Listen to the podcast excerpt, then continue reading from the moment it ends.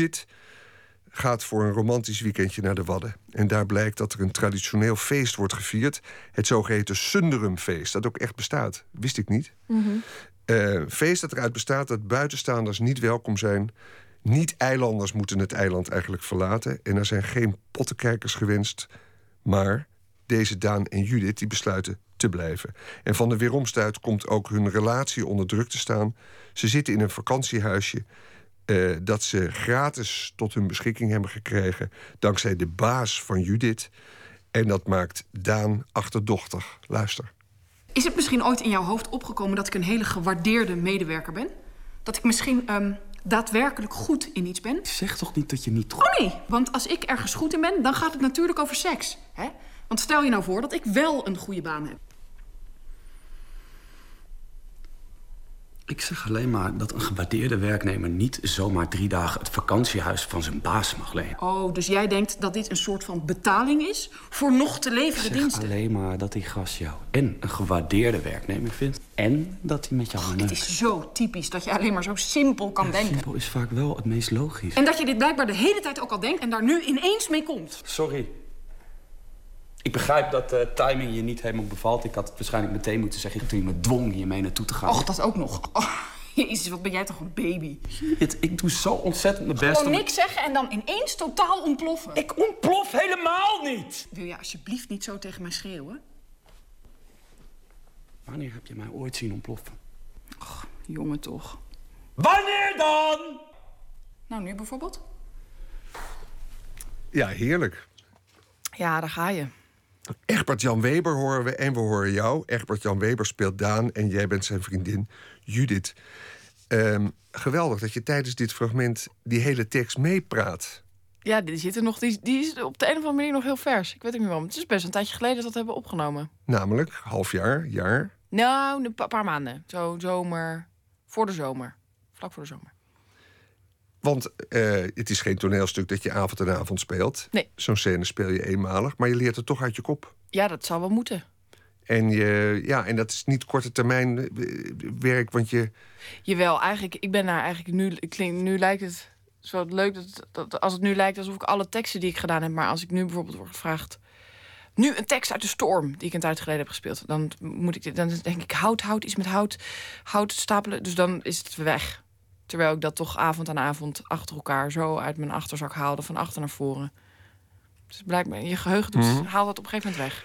Die Daan en die Judith, jij bent dus de vriendin. Ze zijn heel vertrouwd met elkaar. Ze hebben, ze hebben het ook goed. Um, maar die verhouding die duurt al lang en er wringt ook het een en ander. Laten we nog naar één fragment luisteren. Daan verwijt Judith dat ze vreemd is gegaan. Ja, maar jij bent vreemd gegaan.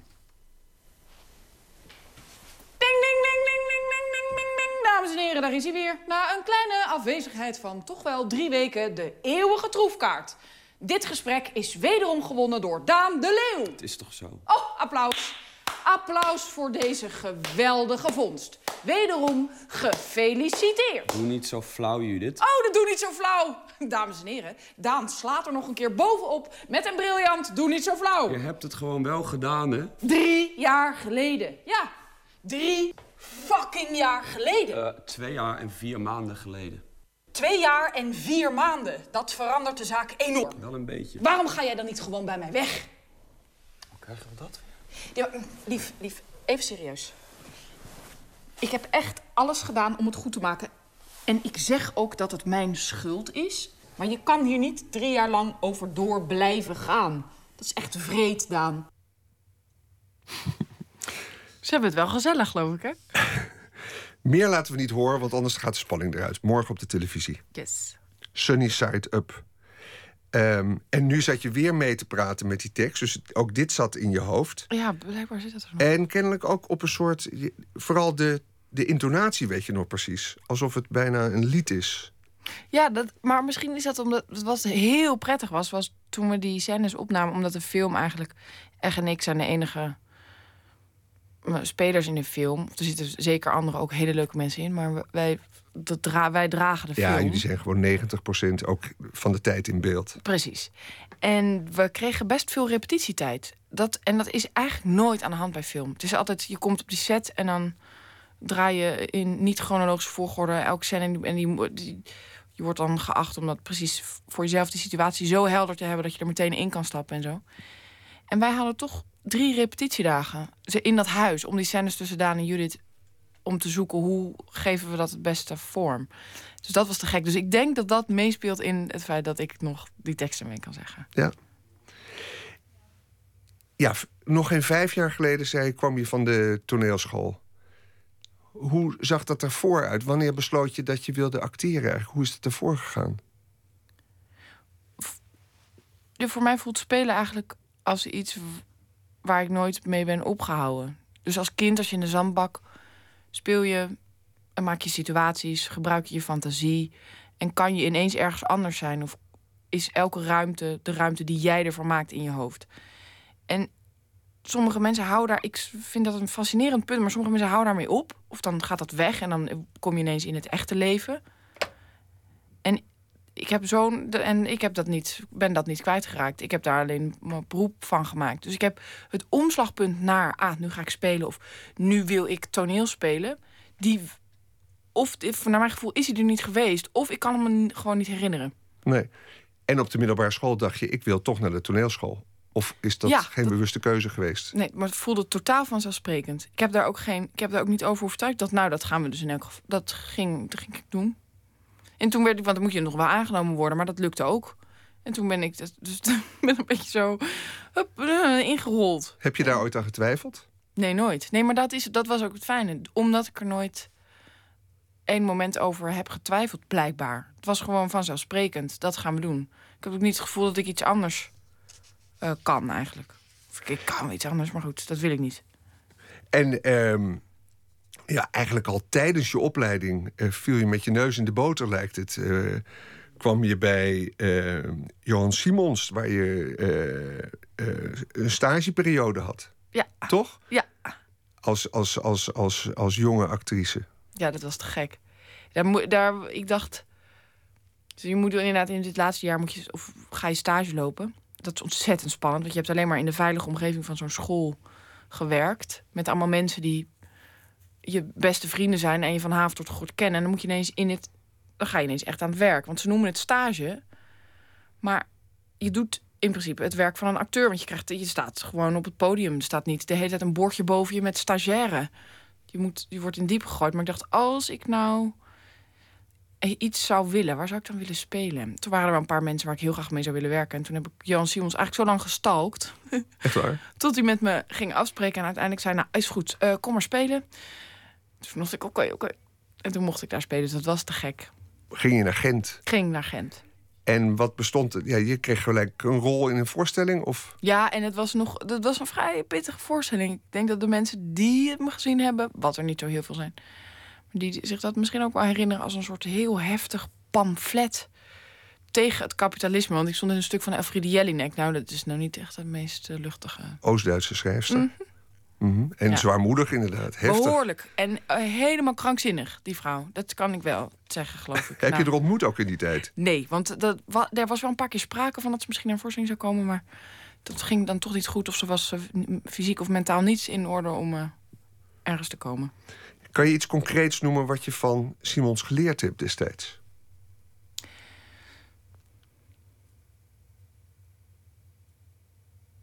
Ja, dat je als acteur in elk geval in een repetitieproces jezelf geen grenzen moet opleggen. Zodat hij geeft de kaders aan en jij moet daarbinnen uh, alles kleuren wat je kan. Met elke kleur die je kan, die je hebt, die je in je mm. achterzak hebt. Dus...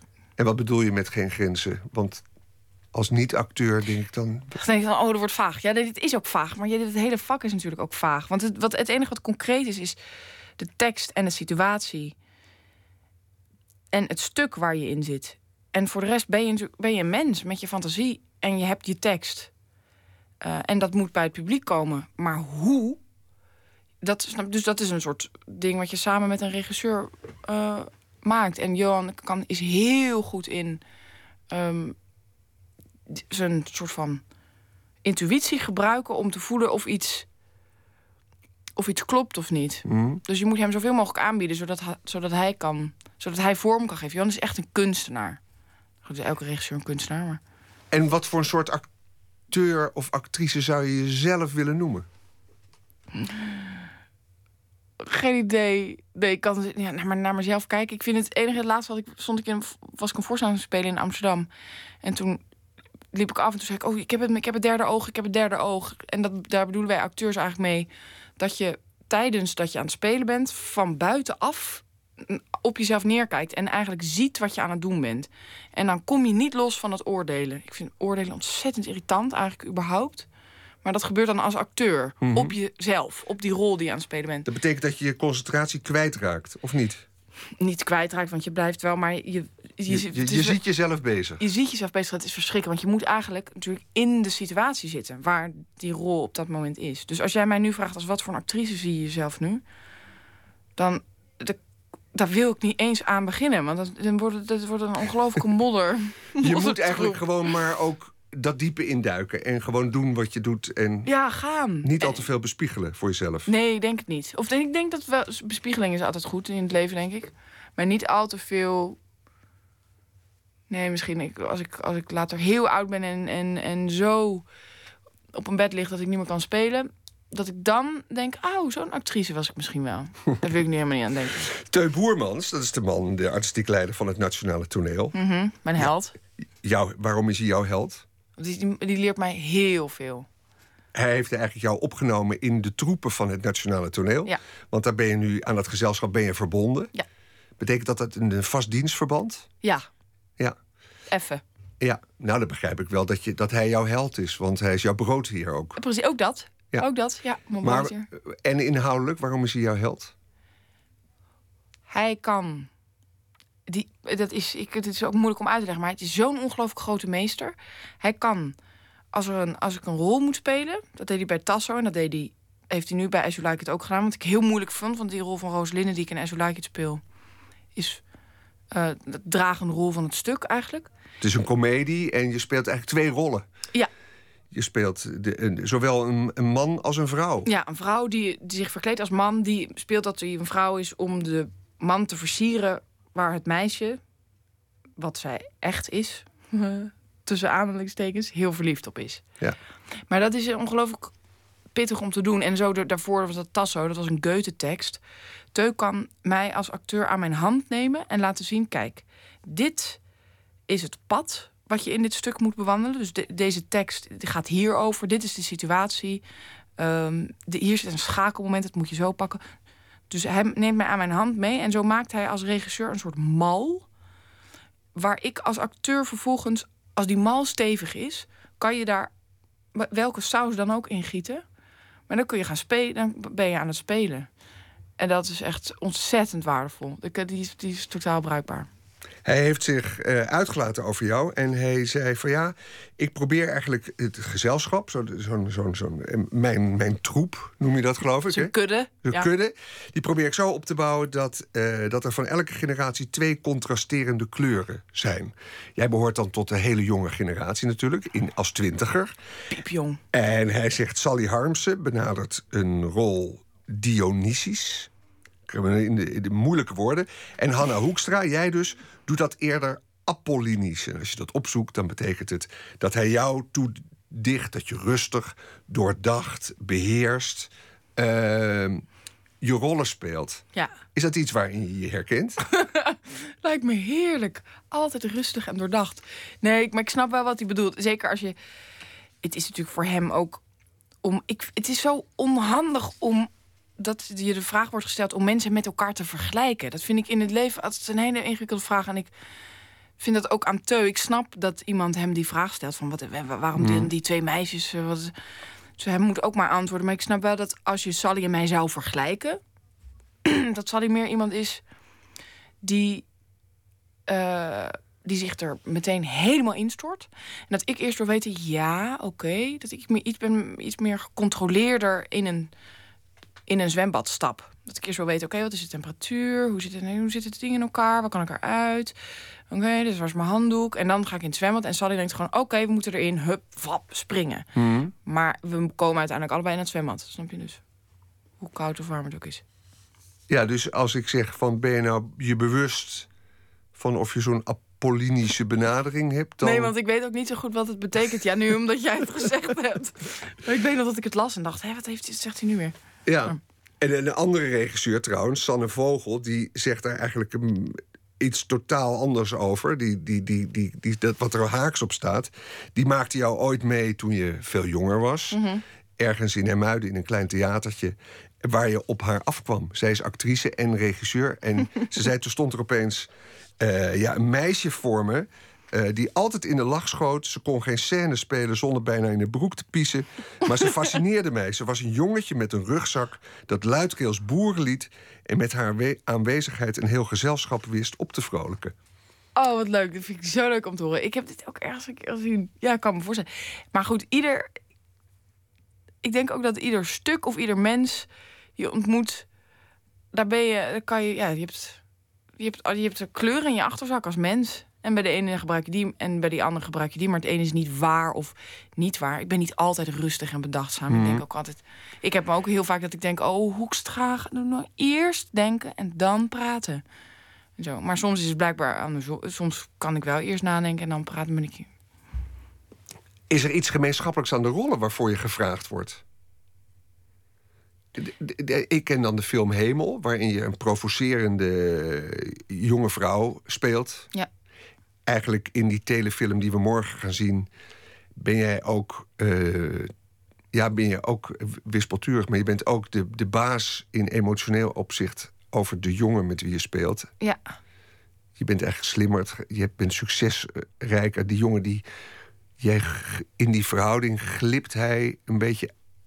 Ja, hij Jij- glipt weg. Jij glipt weg bij hem. Ja, En dat is de tragiek. Of misschien, ah, ik, zeg maar, Judith stijgt een beetje boven hem uit. En krijgt hij angst van en gaat wegglibberen. Zoiets, zo zou ik het misschien beschrijven. Ja, ik weet niet of nee. Gelukkig mag ik heel veel verschillende rollen spelen. Dus ik speel niet altijd het vervelende meisje.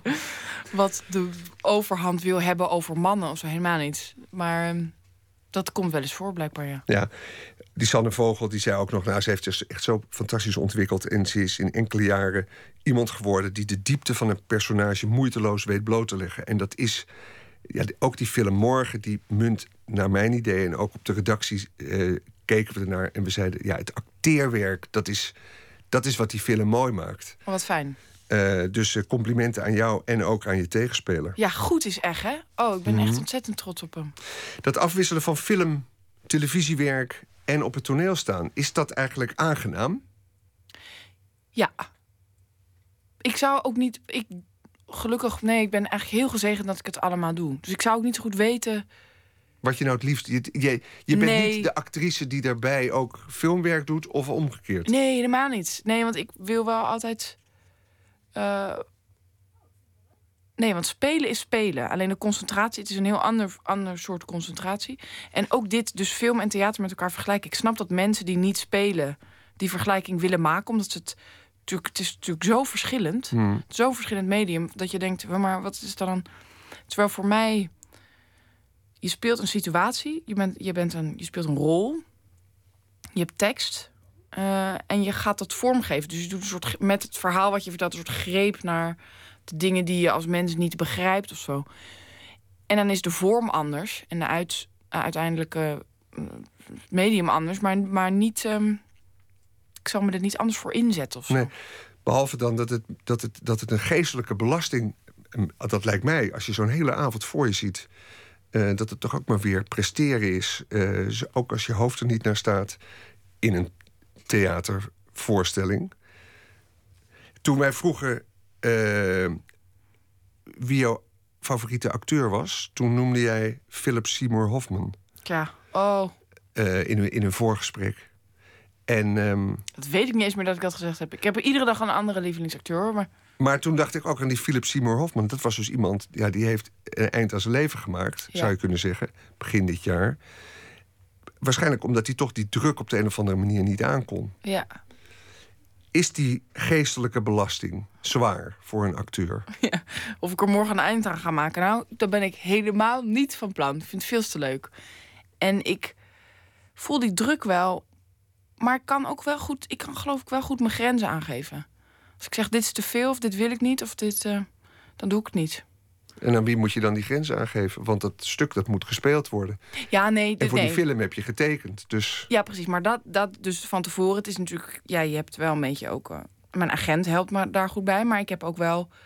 wel Gewoon een beetje een soort van inzichtvermogen. Dat ik als ik weet van. Oeh, ja, deze film kan ik niet doen. Want dat wordt te veel. Of deze film wil ik wel doen. eh, want die rol is te gek. En dan wordt het even heel hard werken. Maar dan, ja, dan mag je daarna misschien eens op vakantie. dat stem je af met een agent die je nu hebt. Want er komen allemaal verzoeken op je af. Ja. En dat moet je dan plannen. En dan komt er soms Ja. een rol die je misschien niet aanstaat, maar waar je veel mee kan verdienen. Ja. En dan, Of dan belt ze op en dan zegt ze... ja, of je nooit meer slapen radioprogramma wil zitten. En zo. Het is dan en dan. Kan je dan? En dan, moet je, en dan moet ik dan even nadenken of ik dat wil of niet. en wat is dan de afweging om het te doen? Of ik iets leuk vind of niet. Eh, Of dat het iets toevoegt aan... eh, bijvoorbeeld wat ik tot dan toe heb gespeeld of zo. Ik weet niet. Dat het iets toevoegt aan het kunstwerk waar ik op dat moment mee bezig ben. Of wat mensen kunnen gaan bewonderen of zo. Dus, dus een soort random op de televisie verschijnen. Of in een blaadje mogen we je interviewen over je leven. Nou nee, ja. Ik zou niet weten waarom. Nee, want dat gebeurt natuurlijk steeds vaker, hè?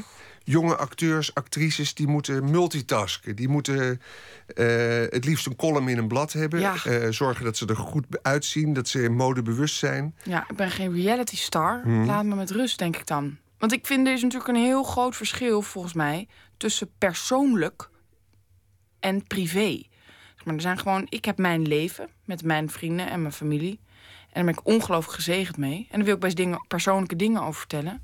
Maar wat, zeg maar, de. Ja, daar is, daar is een soort raar iets dat tegenwoordig. Die grenzen worden zo vaag. Met al die. Iedereen moet maar foto's en plaatjes van zichzelf. En dit ben ik en kijk naar mij. En dan denk ik, oké, dat doe ik in mijn spel en met de dingen die ik maak. En voor de rest, prima. Ja. In mijn bos ga ik even lopen of een tekening. En toen Nooit meer slapen je belde, toen dacht je... ja, nee, dat ga ik toch wel doen. Ja, wel, want ik vind de radio echt te gek. Ik luister altijd radio. Altijd. Vaak. Ehm, en hoe moet het nu verder? Als je als je, je verplaatst in, zo'n, in, in, in jou of in jonge acteurs, actrices die succesvol zijn... vier keer in de week optreden, drie uur lange voorstelling... eh, op de tv, andere verzoeken en dan ook nog nooit meer slapen. De hele week zit volgepland. Dan mag je hopen dat er een privépersoon is... met wie je ook een beetje kan bespiegelen en, en het kan relativeren ook. Terwijl relativeren bij het vak ook weer niet hoort. Ja. Die rare spanning. Nee, maar als mens kan je natuurlijk prima... Ik geloof dat ik als Hanna kan ik heel goed relativeren. Of de rol die ik speel dat op dat moment kan. Dat weet ik niet, dat ligt aan een rol. Maar ik, ik heb wel een... eh daar ben ik... Ik kan denk je best wel... Ik ben best wel nuchter. Mhm. Kan nuchter zijn. Kan ook verdwalen in totaal gezwets en eh zweverige ouwe hoer. Maar kan, ik sta ook geloof ik nog wel met twee benen op de grond. Dat wil ik ook graag blijven. En wat ga je nu doen? Wat is, staat er op het programma? Vannacht bedoel je? Nee, ja, ben ik ook benieuwd naar. Maar het Nationale Toneel, dat is je werkgever. Dat is eigenlijk ook wel weer veilig. Want die eh, stippelen voor jou een, een, een, een programma uit... Ja. waar je natuurlijk je voorrang aan geeft. Ja, ik ga hierna zit ik in, want jij zegt vier keer in de week spelen, maar soms is het vijf keer. En zo meteen moet ik, moet je dubbelen, zo noemen wij dat dan. Dan moet je overdag repeteren in Den Haag Voor een nieuwe voor voorstelling. een nieuwe voorstelling. Namelijk Genesis. Dat gaat Johan Doesburg gaat een grote, hoe noem je dat, marathonvoorstelling maken. Die uiteindelijk in Scheveningen zou gaan spelen. Op het strand, geloof ik. Eh, over het, inderdaad het eerste deel van de Bijbel. Dus dat gaan we ook zelf maken. En dan moet ik dus overdag repeteren en dan s'avonds ook nog eens drie uur lang Rosalinde spelen. Maar het, dit vak is echt het allerleukste vak wat er is. Dus ik, ik red me wel. Ja, en je hebt duidelijk gemaakt dat het eigenlijk niet een vak was... wat je moest leren, maar wat je gewoon nooit hebt afgeleerd. Nee, precies. Maar je moet, daar, komt, daar komen wel heel veel dingen bij. Je moet wel veel leren. En, en het is echt hard werken. Dat zou ik niet ontkennen. Hanna, fantastisch dat je hier was. Hanna Hoekstra, samen met Egbert Jan Weber... morgen te zien in ehm, wat een hele goede telefilm geworden is. Film voor televisie gemaakt en te zien op NPO 2, geloof. Ik Denk het. Dank ik je- niet. Dankjewel, Hanna Hoekstra, dat je hier was. Wel thuis. Graag gedaan. Dankjewel. En straks na het nieuws van 1 uur gaan we verder met het tweede uur van Nooit meer slapen. Onder andere met Atse de Vrieze die verslag uitbrengt van Eurosonic Noorderslag. Tot dadelijk.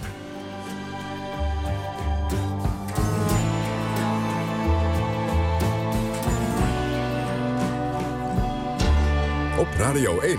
Het nieuws van alle kanten.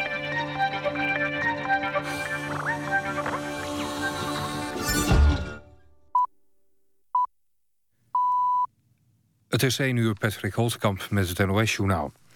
West-Afrikaanse landen willen samen strijden tegen de islamitische terreurbeweging Boko Haram.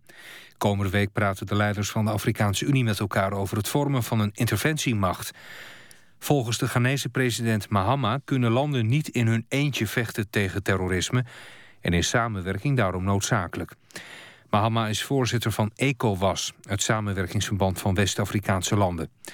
Oprichting van een speciale strijdmacht heeft wel wat voeten in aarde, zegt Mahama. Hij denkt dat Afrikaanse landen pas over een paar maanden samen tegen Boko Haram kunnen strijden. Mogelijk vragen de landen om een mandaat van de Verenigde Naties. Van de 13 verdachten die zijn opgepakt na de antiterreuractie in Verviers in België zijn er 10 weer op vrije voeten. Acht van hen zijn naar verhoor vrijgelaten. Twee zijn wel voorgeleid aan de onderzoeksrechter, maar konden daarna gaan. Ze worden nog wel verdacht van deelname aan activiteiten van een terreurgroep. In Mexico is een nieuwe verdachte opgepakt in de zaak van de tientallen verdwenen studenten. Het is een huurmoordenaar van het kartel Guerreros Unidos, zeggen de autoriteiten. De studenten verdwenen in september. Er wordt vanuit gegaan dat ze zijn vermoord. De opgepakte huurmoordenaar is de belangrijkste dader, zegt justitie. Dinsdag bestormden ouders van de verdwenen studenten nog een kazerne. Ze beschuldigen het Mexicaanse leger van betrokkenheid bij de verdwijningen. Het Amerikaanse Hoge Rechtshof buigt zich over de vraag of een verbod op het homohuwelijk wel grondwettelijk is. De beslissing kan gevolgen hebben voor 14 staten die dit nog steeds verbieden. Het Hof gaat kijken naar de situatie in de staten Michigan, Kentucky, Ohio en Tennessee. Het homohuwelijk is nu legaal in 36 staten. Twee jaar geleden waren dat er nog 12. Het weer. Er trekken buien over het land, mogelijk met hagel en natte sneeuw. De temperatuur daalt tot dicht bij het vriespunt. Het kan plaatselijk glad worden. Overdag zon en een graad of 6. Later op de dag winterse buien. Dit was het NOS Journaal. NPO Radio 1. VPRO. Nooit meer slapen.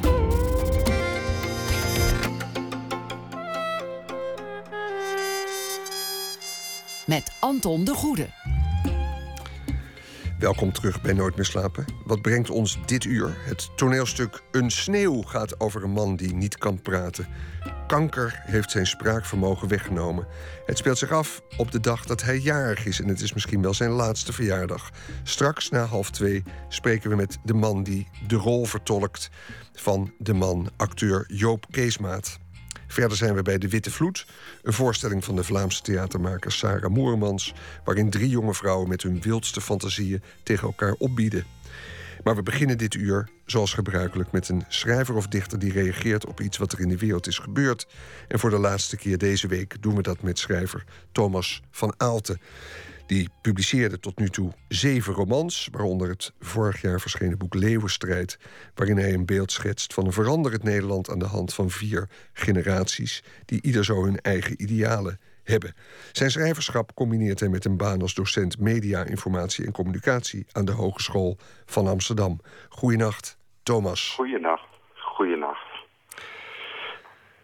De, vijf, um, de, ja, de vierde keer dat je aantreedt hier. Ja, uh, nou is het niet de vijfde keer dan. Het is eigenlijk de vijfde keer. Vrijdag, ja, ja er ja. zitten vijf uh, werkdagen in de week. Zeker. Um, ja, en weer de vraag, wat was het nieuws dat je inspireerde tot het schrijven van een kort verhaal? Ja, nou, aanvankelijk werd ik uh, zeer getrokken door het nieuws... dat relatief weinig leerlingen slagen bij beginnende rijscholen. Want de BOVAG stelde uh, eerder al dat veel cowboys en avont avonturiers uh, rijscholen beginnen.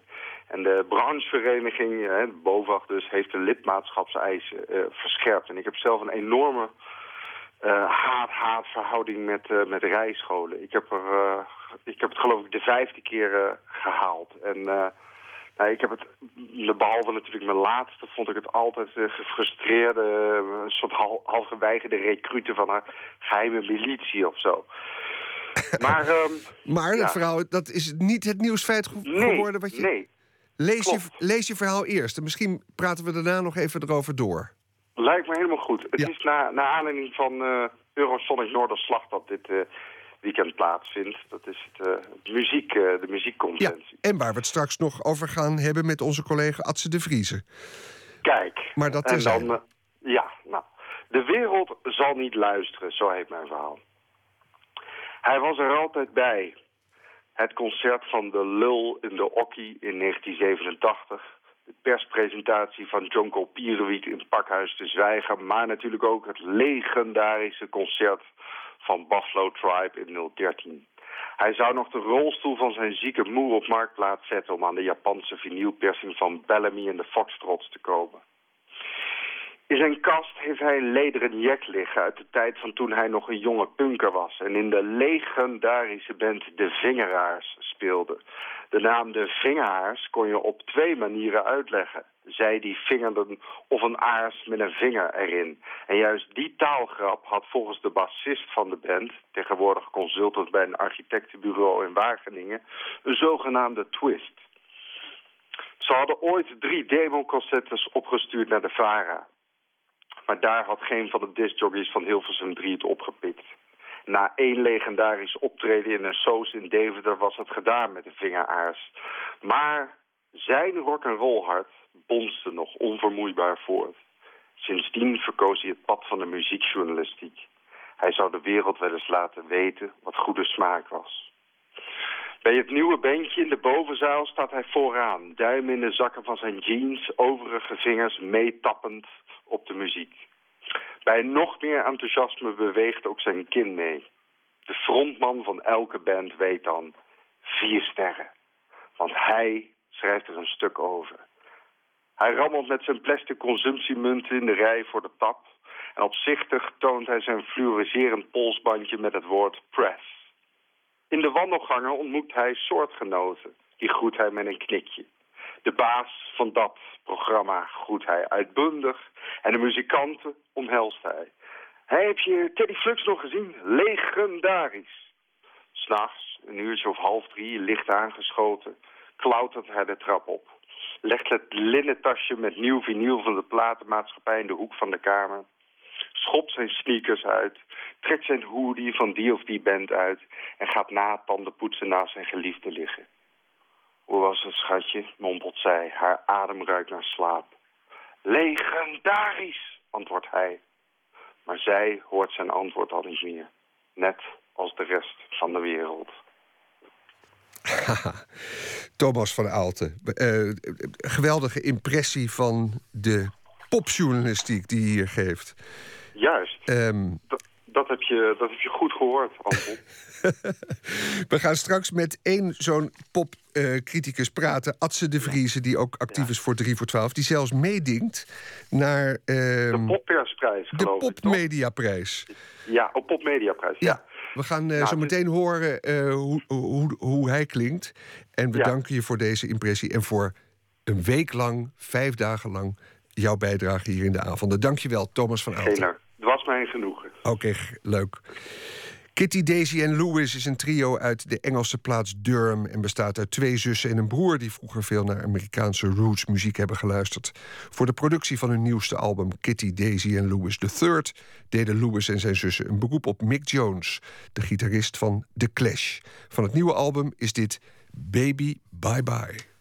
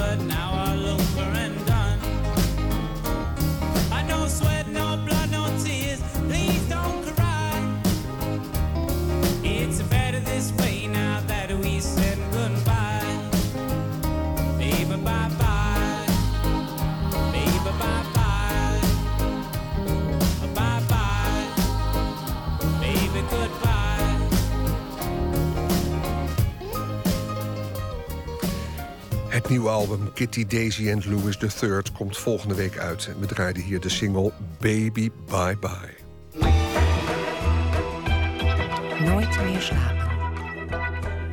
Theater Bellevue in Amsterdam brengt sinds deze week een nieuwe lunchvoorstelling met een titel waar je even aan moet wennen: De Witte Vloed. In een setting van een soort nostalgische slaapkamer proberen drie jonge vrouwen tegen elkaar op te bieden met hun fantasie over geheim genot, liefde en onderwerping. Verslaggever Jan-Paul de Bond bezocht de première en sprak met regisseur Sarah Moermans en met de actrices.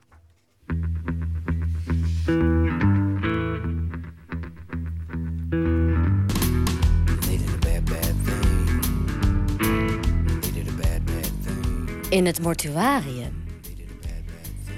Ik moet zeggen, een arts is iets fantastisch.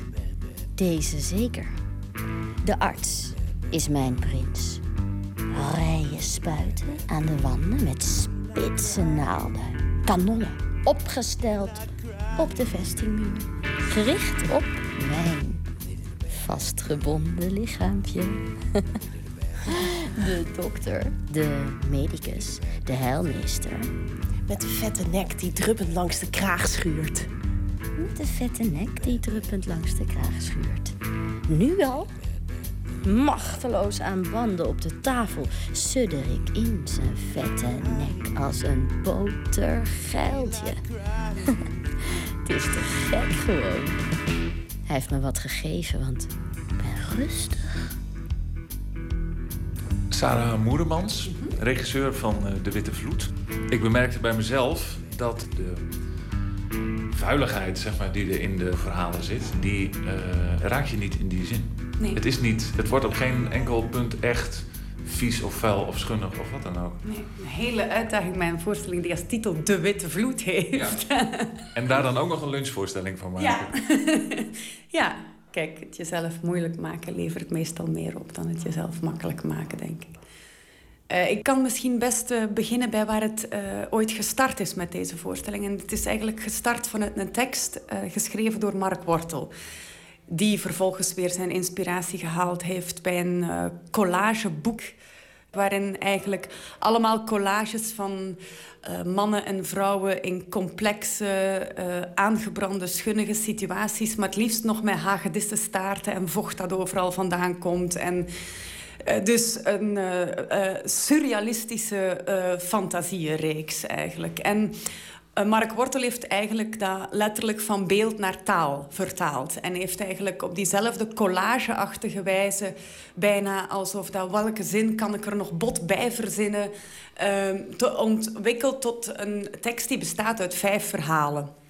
En die vijf verhalen die worden tijdens de Lunch Bellevue-voorstelling uh, door drie, uh, ja, ik zou willen zeggen vrouwen, maar zijn het meisjes of misschien zijn het kinderen, uh, die die verhalen bij elkaar fantaseren. Mijn patholoog is niet in evenwicht. Nee, hij is de zwakkeling van het ziekenhuis. Hij is de zwakkeling van het ziekenhuis. Misschien helpt hij s'avonds en durft hij niet met de patiënten te praten. Misschien helpt hij s'avonds en durft niet met patiënten te praten. Misschien bedrijft hij alleen maar de liefde met mensen zoals ik. Liefde die je uit een la trekt. Met nevel. Wat voor mij heel belangrijk was in relatie tot die tekst om eigenlijk niet een voorstelling te gaan maken die probeert de oorsprong van die perverse fantasieën te duiden en daar dan dus een soort trauma aan te koppelen, maar om de perverse fantasie als een noodzakelijk doch direct vluchtig gegeven te zien. Ik wou niet laten zien dat het meisjes zijn die te lang videospelletjes gespeeld hebben of bij foute priesters op school gezeten hebben. Um, ik denk dat ik een vrij uh, brave uh, jeugd gehad heb. En ook ik vond doktertje spelen ooit het leukste wat er was. En ik zou niet willen hebben dat iets wat ik ooit gefantaseerd heb praktijk moest worden. dus dat was voor mij een heel belangrijk gegeven daarin. Um, en ik vond het heel prettig dat het ook echte uh, meisjesfantasieën zijn zonder dat er een feministisch statement aan gekoppeld moet worden. In de slaapkamer. Ik lig op mijn bed. Mijn lichaam is half bloot en mijn ledematen zijn als draden van vlees slap verspreid over de lakens. Stijf gekweld van verlangen.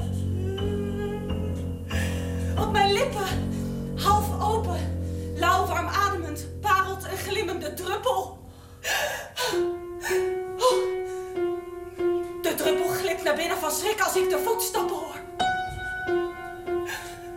Voeten in laarzen rennen als een ravage de trappen op. Stugge leerlaarzen, keihard van het zout. Zout uit vrouwentranen.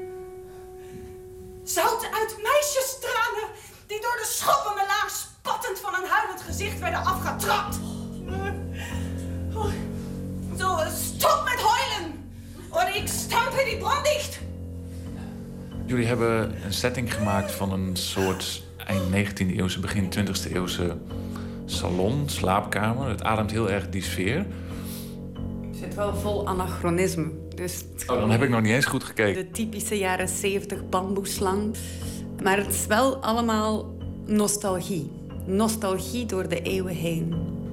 Ja, dat zwelgen. Ik, hoe krijgt een fantasie lengte door erin te gaan zwelgen? En daarin is denk ik ook de virtuositeit van het spelen grote deel van de kunst. Waarom ik ook op zoek was naar het, uh, het, tegengewicht van de gruwelijkheid die erin beschreven staat, omdat ik ze niet wou zien als een gevolg van iets, moest het dus ook zo onschuldig als een fantasie kunnen zijn, als een spel kunnen zijn. En um, ik denk dat kinderen de grootste gruwelijkheden met elkaar kunnen theoretiseren. Uh, maar dat dat niet in praktijk hoeft omgezet te worden. Dat is in, in een volwassen wereld soms iets anders, denk ik. En ik denk dat het daarom uh, voor mij toch een, een, groot pleidooi is om het onderscheid tussen theorie en praktijk gewoon nogal groot te houden. Waardoor dat je in theorie ehm, of in fantasie ehm, denk ik veel verder kunt gaan. Dan, dan hoef je het in praktijk niet zo te doen.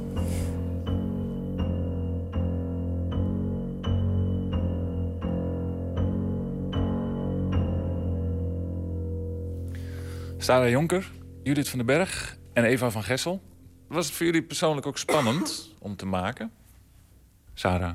Nee, het is niet daarin spannend. Of, of het is, dit- wat meer er spannend is, is, vond ik voor mezelf sprekend een soort de grondtoon of de, de, van je personage onder controle te hebben.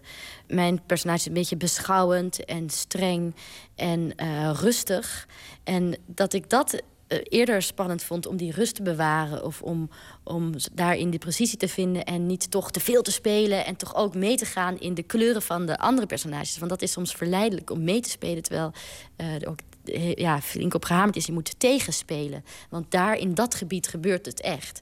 En dat, dat vond ik eigenlijk eh, ehm, iets spannenders om te moeten verwerven dan deze taal te gebruiken of deze verhalen te vertellen of deze fantasieën ehm, in de wereld te smijten. Dat, dat, dat vind ik zelf wel, wel eh, leuk eigenlijk. Dat het, dat het iets mafs heeft en ook iets absurds. Of dat het zo snel gaat. En dat je dus het publiek dwingt om ook hele, met die gedachtegang mee te gaan. En vieren dat dat er is. Lekker samen gruwelen of eh, Ja. eh, even in een andere wereld duiken. Ik denk dat het wel helpt dat de vorm heel veel toegang biedt eigenlijk. Of daardoor kom je er heel makkelijk in, zeg maar. En dat...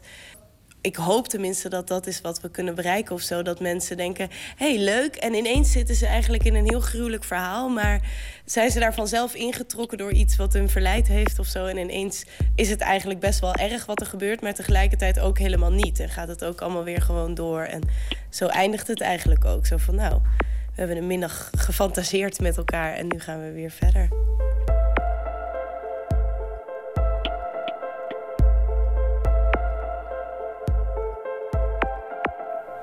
Ik vind het heel prettig dat het een voorstelling is die geen noodzaak of geen urgentie kent. Ik denk eh, dat eh, noodzaak, urgentie, eh, actualiteit gedevalueerde begrippen zijn doordat ze zoveel gehanteerd worden omdat te pas en te onpas alles noodzakelijk actueel en nodig is. Het feit dat er geen actualiteit in zit, vind ik, maakt het in het bos vol met actuele bomen. Die ene boom die eigenlijk eh, vrij is van, van eh, nog happy end, nog s- geen schuren, geen verontrusten, geen confronteren. Het is een fantasme die ook niet kan, maar die ook wel kan. En die ik in zijn zinloze schoonheid liever geniet dan niet geniet. En dat is mooi gezegd door Sarah Moeremans, regisseur van lunchvoorstelling De Witte Vloed. Nog te zien tot en met 1 februari in Theater Bellevue te Amsterdam. Een bijdrage was dit van Jan-Paul de Bond.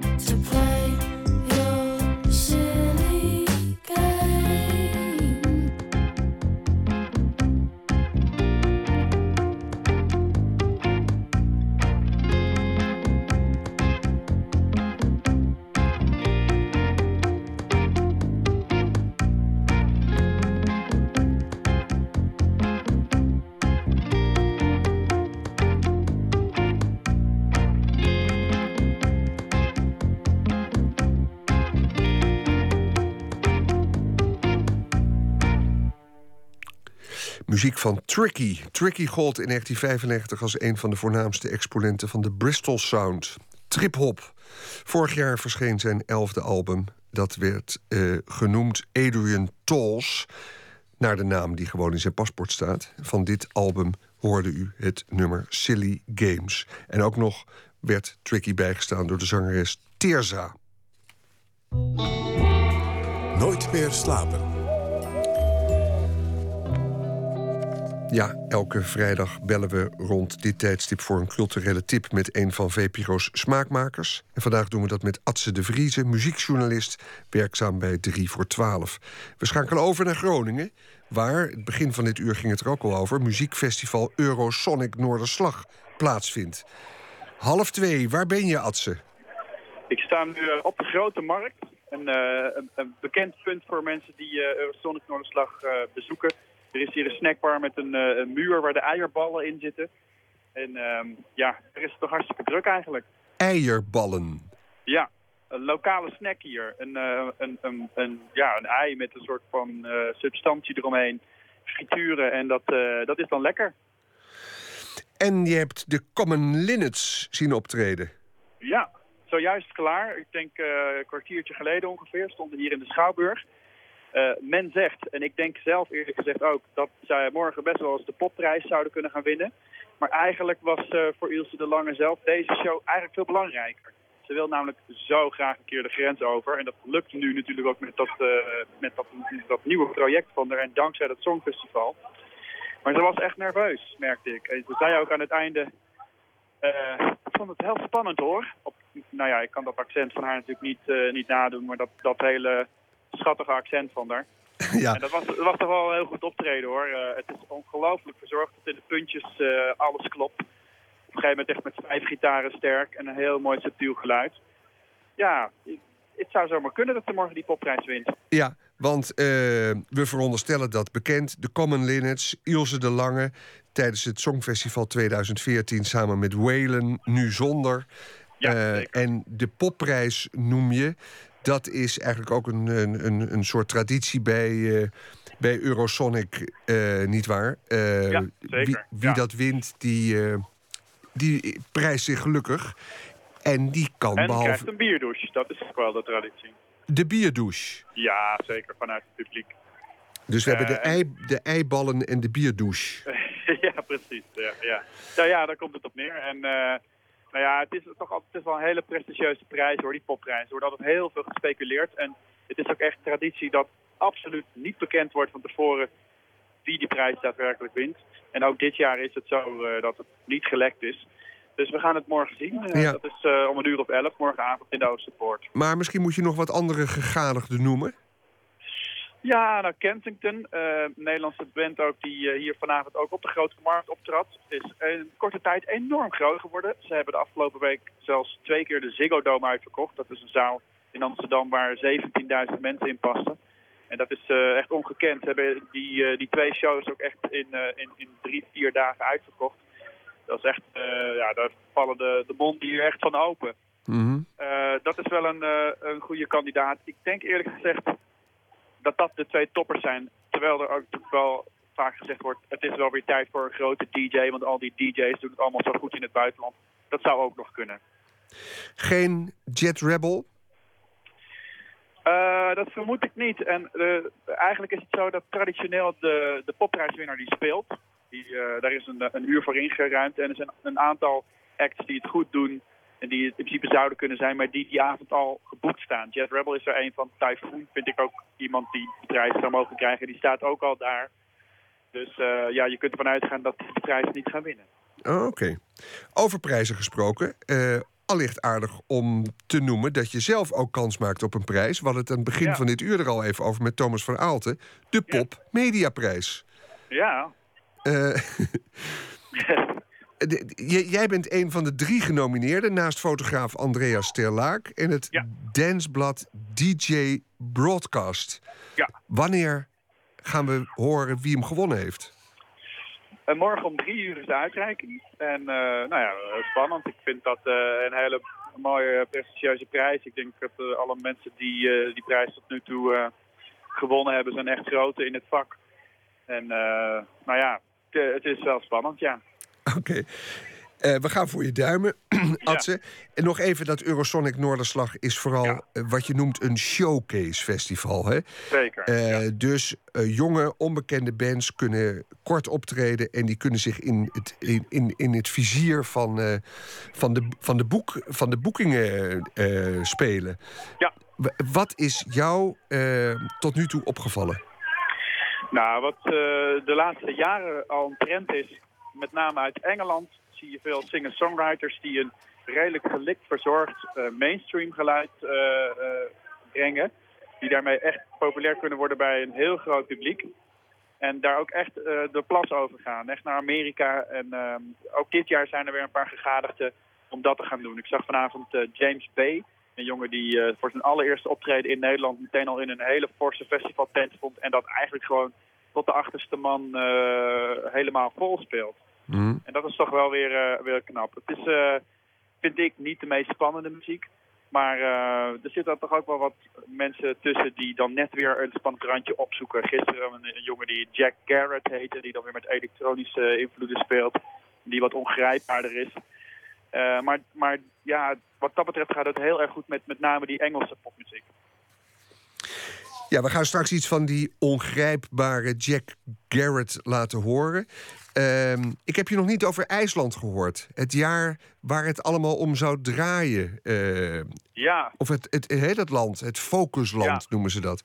Ja, nou IJsland is een beetje een wonderlijk land. Want er wonen 300.000 mensen en er zijn eh, meer bands dan in Nederland. Dus het is eh, ja, op de een of andere manier een heel vruchtbare cultuur daar. Het, het gekke is alleen, vind ik, dat voor mijn gevoel het IJslandgevoel eh, toch een beetje weg is. Eh, ik, heb, ik heb zelf eigenlijk weinig tot geen IJsland eh, dingen gezien die ik echt heel, die ik echt heel goed en bijzonder vond.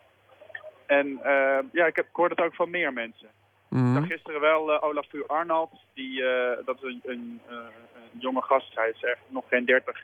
En heeft furoren gemaakt met vooral een soort modern klassieke stukken, die nu ineens met elektronische muziek eh, aan de slag ging. Dat deed het wel heel erg goed hier. Maar een beetje de traditionele IJslandse popmuziek, dromerig, eh, geïnspireerd door de natuur. Ja, het lijkt wel alsof we daar nu toch even een beetje genoeg juist van hebben, uitgerekend nu. Ja, oké. nou, dat is alleen maar mooi dat je het niet kunt eh, programmeren en, en plannen allemaal. Want dat is met muziek nu eenmaal zo. Ehm, nog heel eventjes. Op het festival zijn er ook zogenaamde keynote speeches. Lezingen die over de muziekindustrie gaan. Eh, heb je daar nog iets eh, over te melden? Is er iets belangwekkends gezegd? Ehm, ik moet zeggen dat ik zelf niet heel veel van de keynote speeches heb gezien, omdat ik eh, druk bezig ben geweest zelf met het opnemen van allerlei interviews in het conferentiecentrum. Die zijn dan weer allemaal terug te kijken op 3voor12.nl. Ehm Duncan Stutterheim van IDT heeft onder andere zijn ver- verhaal verteld. Maar ja, het is misschien een beetje preken voor eigen parochie. Maar ik denk toch de speech waar het meeste om te doen was, was die van onze eigen directeur, Lennart van der Meulen. Onze eigen eh, VPRO-directeur. Jazeker, ja, die, die sprak eh, en het, hij had een verhaal eh, wat ik heel interessant vond over het feit dat veel ja, entertainmentbedrijven, maar ook mediabedrijven, stilaan opgekocht worden door grote Amerikaanse bedrijven. En hij zegt, ja, doen allemaal alsof het normaal is, maar het betekent wel dat heel veel geld vanuit de Nederlandse markt ja, uiteindelijk weggesluist wordt richting het buitenland. En we zouden daar toch eigenlijk best wel wat kritischer op mogen zijn. Ik vond dat een heel interessant verhaal wat hij eh, hield. Eh, was ook een lang verhaal en dat is ook weer terug te lezen op eh vpro.nl, 312.nl. Dankjewel, Adse. Tot zover. Eh, voor meer informatie eh, geef jij de juiste website door 3voor12.vpro.nl. En eh, ga je bed opzoeken, want morgen is er weer een dag. Ik vrees dat het er nog even niet in zit, maar eh, het is nog hartstikke gezellig. Wat ga je nu doen dan? Nou, er, zijn, er is nog muziek, dat sowieso. Eh, de, de meeste optredens zijn wel afgelopen, maar in de, de dance-achtige regio daar gaat het gewoon nog een paar uur door. En eh, Groningen, ja, dat mensen die vanuit eh, de Randstad één keer per jaar naar Groningen gaan voor dit festival weten ook dat eh, de mensen hier in Groningen echt nooit slapen. Oké. Ehm, Wij gaan ook nog niet slapen hier in Nooit meer slapen. Want wij gaan luisteren naar de man die jij net hebt omschreven als de man van een beetje ongrijpbare muziek, Jack Garrett. Dankjewel, Atze de Vriezen, en eh, hou je goed daar in Groningen. Yes, gaan we doen. Jack Garrett, dames en heren, de Britse eh, singer-songwriter. Het nummer Worry. My nights are broken up by the sounds of women I'll never meet.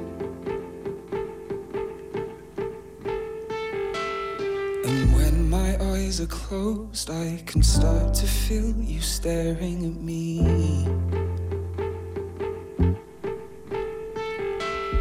The right side of my bed has always left me feeling stuck in between.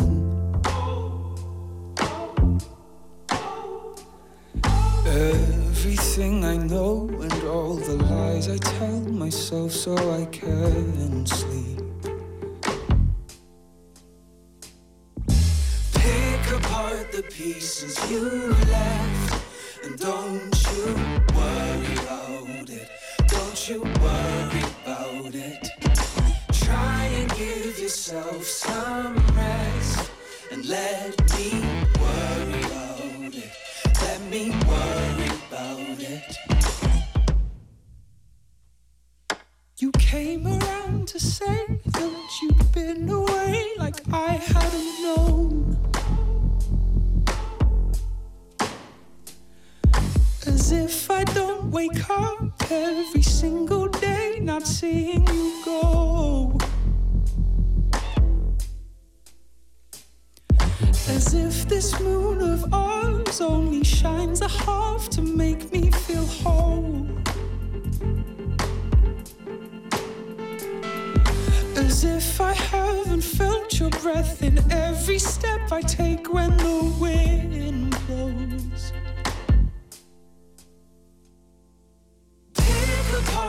pieces you left, don't you worry about it. Don't you worry about it. Try and give yourself some rest, and let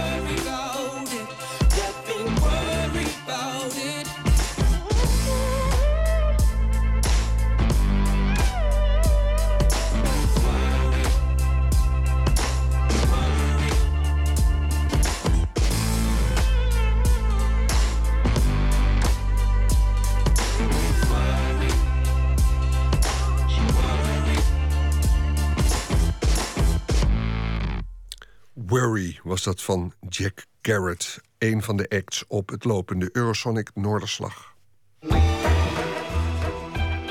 Nooit meer slapen. In Willem-Jan Ottens toneelstuk Een Sneeuw speelt acteur Joop Keesmaat een man die niet kan praten. Kanker heeft zijn spraakvermogen weggenomen. En nu viert hij zijn verjaardag, misschien wel zijn laatste. Maarten Westerveen sprak Joop Keesmaat op het podium in Lochem, waar toneelgroep Het Toneel speelt, eerder deze avond optrad.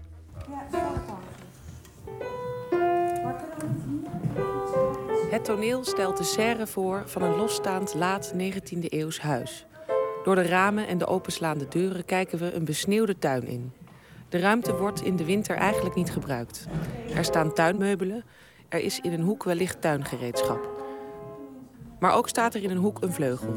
En voor het uitzicht naar de tuin bevindt zich een grote rotanstoel... waarvan de manshoge rugleuning naar het publiek is gekeerd. Het is altijd mogelijk dat er iemand in deze stoel zit. Zeker is dat niet altijd. Dit is de stoel van Panda. Hem zullen we gedurende de handeling nooit horen spreken. Sinds een operatie heeft hij geen stem meer. De serre biedt naar beide zijden toegang tot respectievelijk een hal en een kamer waar de familie Quint elkaar ontmoet. Het is winter 1979, tussen kerst en nieuwjaar. Gevierd zal worden de verjaardag van Panda. Bent u ooit eerder een rol zo nadrukkelijk aanwezig geweest en tegelijkertijd zo onzichtbaar? Nee. nee, dat is voor het eerst. Het eerste wat, wat, eh, wat eh, eh, Ronald Klamer, de artistiek leider van het toneel, speelt... toen hij mij benaderde, zei hij... zou jij het erg vinden om een rol zonder tekst te spelen? Ik zei, nee, waarom? Een rol is een rol.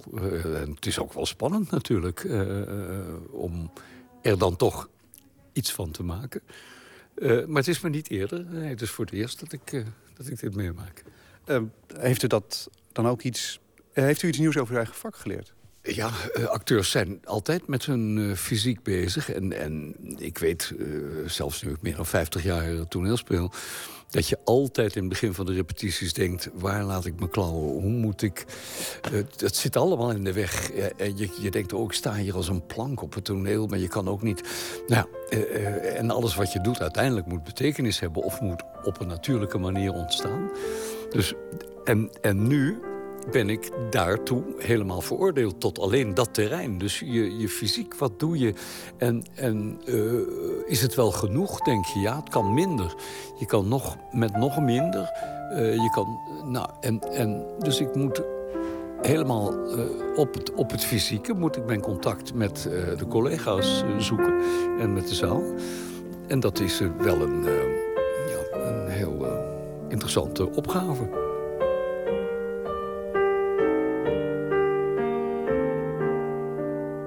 Bereid je je voor op iemand die centraal staat, volkomen centraal staat in het stuk... eh, eigenlijk ook de meeste tijd aanwezig is, maar nooit gehoord wordt? En vaak ook niet gezien, hè? Want ik zit een groot deel van de tijd onzichtbaar in de stoel. Kijk er nu ik naar? weet of hij er is of niet. Eh, dus dat, dan, dan zie ik het ook niet.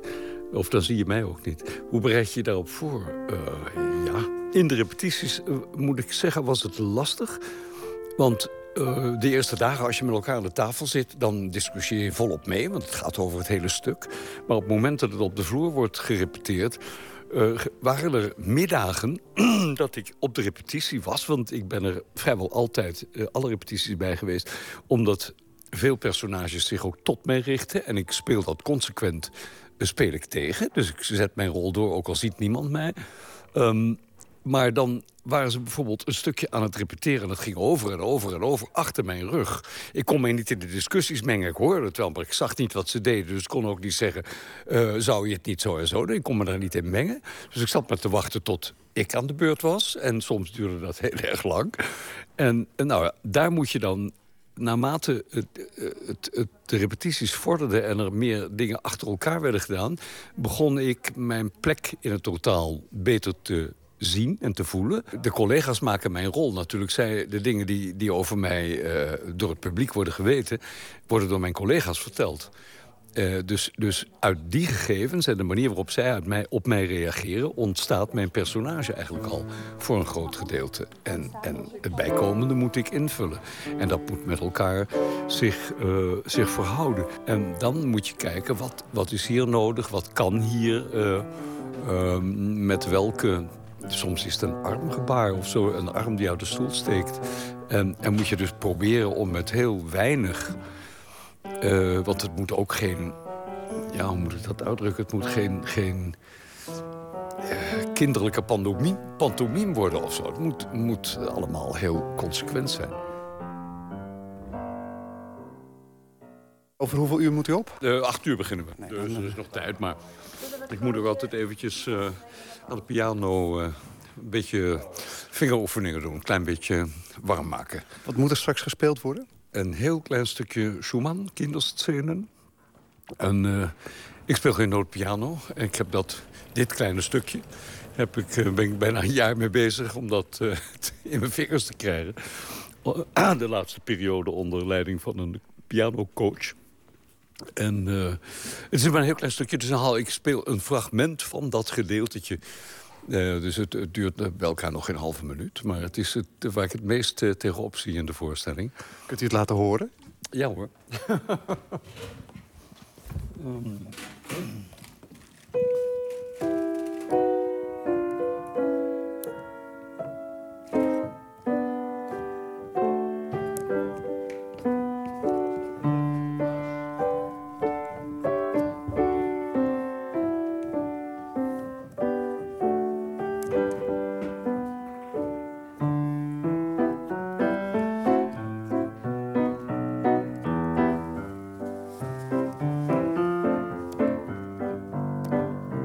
deel van die tijd zit u daar gewoon in die stoel met uw rug naar het publiek toe. Nou ja, echt, het spijt me, het is een sportvraag. Maar wat gaat er dan door u heen?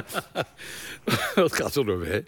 Eh, eh, ik probeer zoveel mogelijk in, in het verhaal te blijven. Ik luister naar de collega's, dus ik denk soms... Oh, gisteren waren we sneller. Of hé, hey, dat, gaat, dat tempo is mooi. Oh ja, eh, ik geniet van, van de, de virtuositeit van de collega's. Ehm, en ik zit stil. Want eh, het zou kunnen zijn in zalen waar men vanaf het balkon misschien mijn hoofd zou kunnen zien. Eh, eh, dus ik zit stil. Ook de stoel kraakt een beetje als ik beweeg. Dat moet ook niet gebeuren als het niet nodig is. Dus ik zit heel stil eh, te luisteren naar wat er gebeurt. Probeer mij in dat ritme eh, te voegen van de voorstelling. En ik weet dus, zo dadelijk komt die of die naar mij toe. Die komt naar mij spreken en daar ga ik op reageren. Dan, eh, eh, dus, en ik denk dan, ah, dat was dat. Ik heb nu nog een klein spoorboekje. Ik gebruik het eigenlijk niet meer. Ik noem het mijn spoorboekje. Dat zijn twee eh, A4'tjes waarin alle momenten op staan... eh, waar ik in actie moet komen. En omdat er tijdens, vooral tijdens laatste repetities... veranderen er heel veel kleine dingen. En omdat ik er de hele tijd zit, kan niet even tussendoor in mijn script kijken... heb ik zo'n spoorboekje gemaakt. Maar ik heb het nu al twee voorstellingen niet meer ingekeken. Maar het ligt wel naast me, in mijn stoel. En ik denk dan dus, hm, ik heb nu dit gedaan... Ik zit stil te luisteren. Wat is het volgende moment waarop ik... Ah, oh ja, oh, daar moet ik iets voor pakken. Of daar moet ik voor klaarzitten. Of daar eh, een collega komt en hij kijkt naar me die zegt... oh, hij slaapt. Op dat moment weet ik dus dat ik lig te slapen. Eh, nou, op die manier eh, eh, van het ene moment naar het andere. Ik vind het zo jammer dat uw stem eigenlijk niet gebruikt wordt. Het heeft zo'n prachtige stem. Dat is voor mij ook raar, want ik ben iemand van het woord. Eh, eh, ik doe lange voordrachten, Gilgamesh, eh, eh, Dido in Aeneas van Virgilius. Er zijn voordrachten van anderhalf uur achter elkaar versdrama. Of versen in elk geval. Dus dat is, dat, daar, eh, daar kik ik op. vind ik, ik vind taal heerlijk. Maar nou ja, juist daarom was dit wel een, een hele aparte uitdaging, zoals we dat noemen dan. Ik zit, kijk, hij kraakt een beetje. Ik zit zo in de stoel en ik probeer dus ook voor die zichtlijn en die zichtlijn onzichtbaar te zijn. Dus ik hou hier mijn knieën bij elkaar. Ik zorg dat mijn hoofd laag is voor een eventueel balkon. En dan zit ik zo. En ik zie ook wel een beetje in, in, dat, eh, in die ramen hier... zie ik de collega's soms een scène doen. Dingen die ik in de repetitietijd nooit heb gezien. Want toen waren daar deze, deze weerspiegelende ruiten niet. En dan zit ik zo en nou ja, op een gegeven moment sta ik op bijvoorbeeld... en dat gaat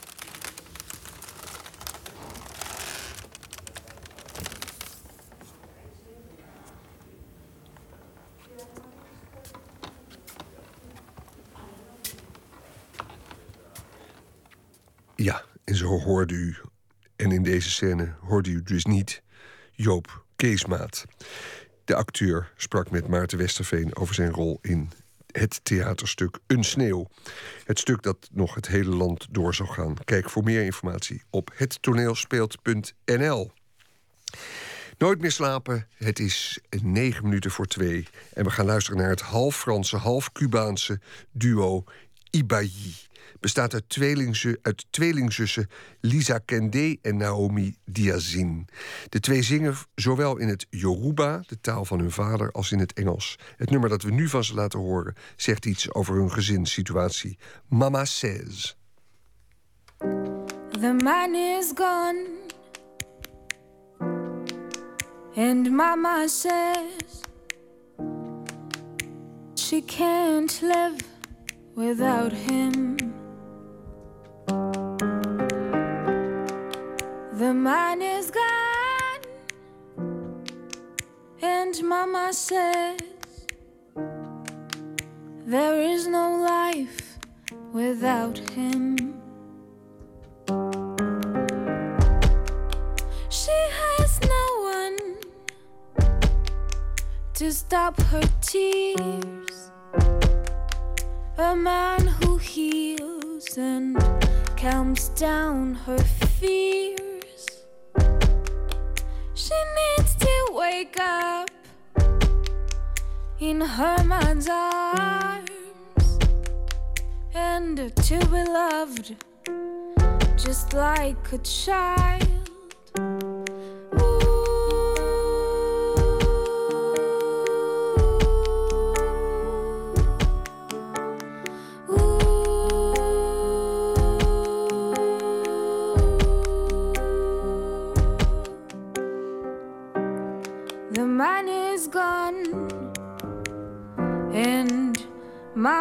Mama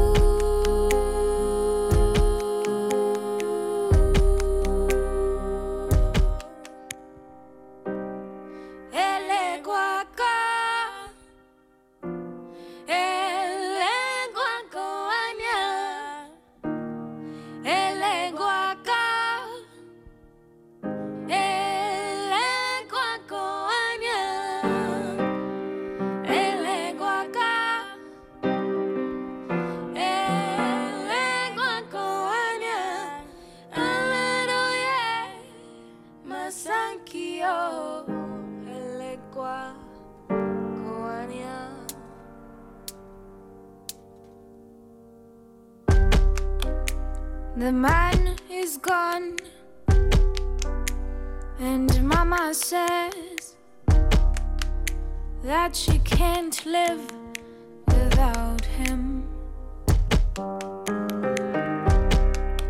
The man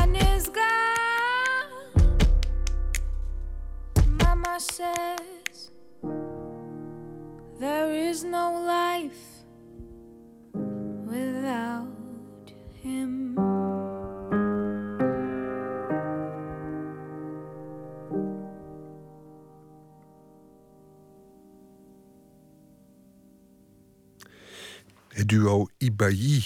Tweeling, dat is wat Ibayi betekent in het Yoruba.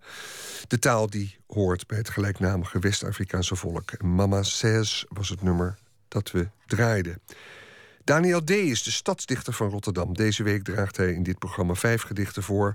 die hem na aan het hart liggen. En dat laten we dan steeds aan het slot van de uitzending horen. We sluiten nu zijn mini-bloemlezing af met een gedicht van Charles Bukowski.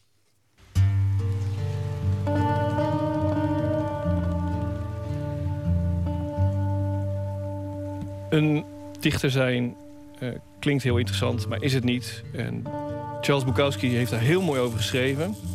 En daar wil ik dan ook graag een gedicht eh, van hem. Dat gedicht wil ik dan ook graag voorlezen. Eh, het is in vertaling van een andere hele goede dichter, namelijk Karel ten Haaf. En die vertaling ga ik voorlezen. Het heet Mijn Vrienden. Deze geeft les, die woont bij zijn moeder. En die wordt onderhouden door een alcoholische vader met een rode kop en het verstand van een garnaal. Deze is aan de spied en wordt al 14 jaar onderhouden door dezelfde vrouw. Die schrijft elke tien dagen een roman. Maar hij betaalt tenminste zijn eigen huur. Deze zwerft, slaapt op banken, drinkt en doet zijn ding. Deze drukt zijn eigen boeken op een kopieerapparaat. Die woont in een vervallen pand binnen de grachtengordel. Deze lijkt te weten hoe hij beurs na beurs moet verkrijgen, binnenslepen. Zijn leven bestaat uit het invullen van formulieren. Deze is gewoon rijk en woont in de beste buurten en loopt de beste deuren plat. Die heeft ontbeten met Gerard Cornelis van het Reven. Deze is telefonist in een ziekenhuis. En deze geeft les. En deze geeft les. En deze geeft boeken uit over hoe het moet en praat op een vrede en overheersende manier. Ze zijn overal. Iedereen is een schrijver. En bijna iedere schrijver is een dichter. Dichters, dichters, dichters. Dichters, dichters, dichters. Dichters, dichters, dichters. Dichters, dichters, dichters. De volgende keer dat de telefoon gaat, zal het een dichter zijn. De volgende persoon aan de deur zal een dichter zijn. Deze geeft les en die woont bij zijn moeder. En die schrijft het levensverhaal van Jan Wolkers. O, broeders en zusters, wij zijn de meest karakterloze en de minste van de soort. En dat was Daniel D. die u hoorde met het gedicht Mijn Vrienden van Charles Bukowski. Volgende week stelt Ellen Dekwits voor ons een kleine bloemlezing samen... steeds aan het slot van deze uitzendingen. Want het is het slot van Nooit meer slapen. Ik vertel nog even iets over maandag. Dan zal hier te gast zijn Auke Hulst tussen 12 en 1. Hij brak door met zijn boek Kinderen van het Ruige Land. En in zijn nieuwe roman Slaapzacht Johnny Idaho voert hij drie personen op die op zoek zijn naar de sleutel tot het eeuwige leven. Dat en meer komende maandag in Nooit meer slapen. Wie weet tot dan. Zo dadelijk na het nieuws van twee uur volgt hier het programma Woord met als thema Schip Ahoy. Maarten Westerveen eh, haalt van allerlei schoons uit het archief om u te laten horen en presenteert dat na het nieuws. Kijken of er nu nieuws is, eigenlijk, überhaupt. Dag. Op Radio 1, het nieuws van alle kanten.